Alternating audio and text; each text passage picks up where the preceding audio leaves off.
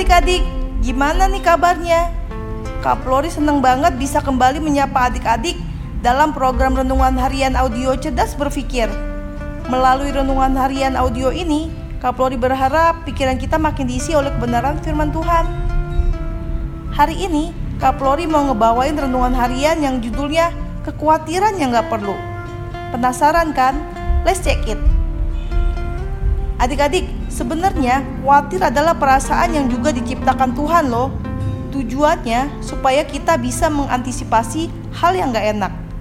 Dalam level tertentu, khawatir itu ada bagusnya. Misalnya, kita khawatir akan kehujanan, makanya bawa payung.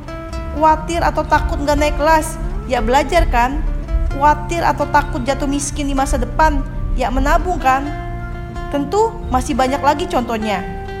Itu semua adalah kekhawatiran yang perlu. Kalau enggak, ya manusia bisa tertimpa hal yang gak enak kan? Nah, tapi ada nih kekhawatiran yang gak perlu. Ada beberapa sih, cuma kakak mau bahas satu aja nih. Yaitu khawatir karena kita nggak seperti orang lain. Ini kayak kita ngebandingin diri dengan orang lain. Tapi sebelumnya, kakak mau kasih ilustrasi nih. Jadi gini, Misalnya adik-adik datang acara perayaan yang pastinya dapat konsumsi yang dibagiin pas pulang. Nah, pas konsumsi mau dibagiin, penyelenggara acara bilang gini, semuanya pasti dapat kok, jadi tenang aja. Dan memang stok konsumsinya banyak banget. Terus yang namanya pembagian konsumsi, kan kita nunggu giliran dikasih kan? Yang jadi pertanyaannya nih, apakah adik-adik khawatir gak dapat konsumsi, terus gelisah dan nangis-nangis?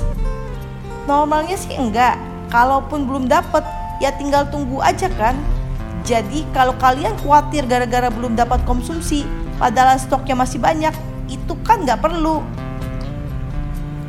Nah, begitu juga soal khawatir karena kita nggak seperti orang lain.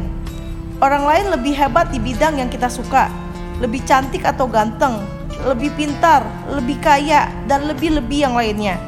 Itu adalah kekhawatiran yang nggak perlu. Soalnya, Tuhan udah kasih kita talenta, bakat atau kelebihan masing-masing. Kalau kita menemukan dan mengembangkannya, kita bisa jadi berkat buat diri sendiri, bahkan orang lain.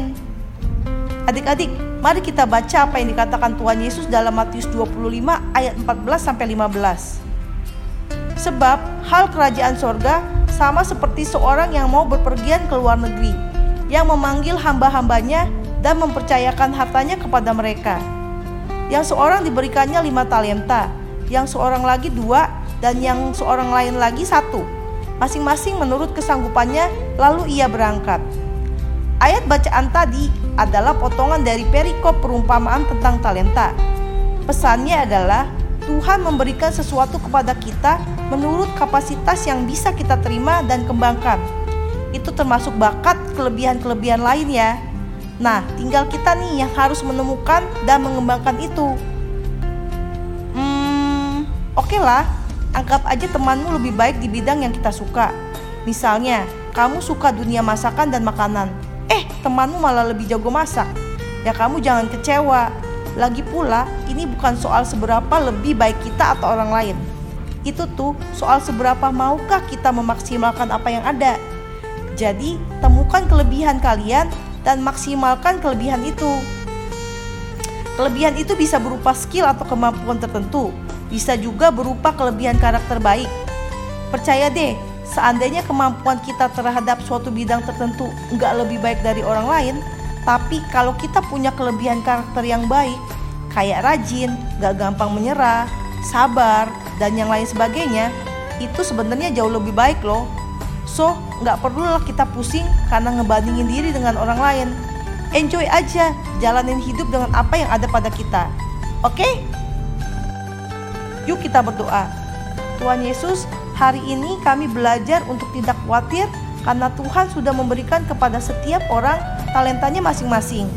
Ajar kami untuk mengembangkan talenta tersebut dengan baik. Di dalam nama Tuhan Yesus kami berdoa. Amin. Oke, segitu aja renungan dari kakak. Tetap sehat, tetap semangat, dan tetap jadi berkat. Tuhan Yesus memberkati. Dadah.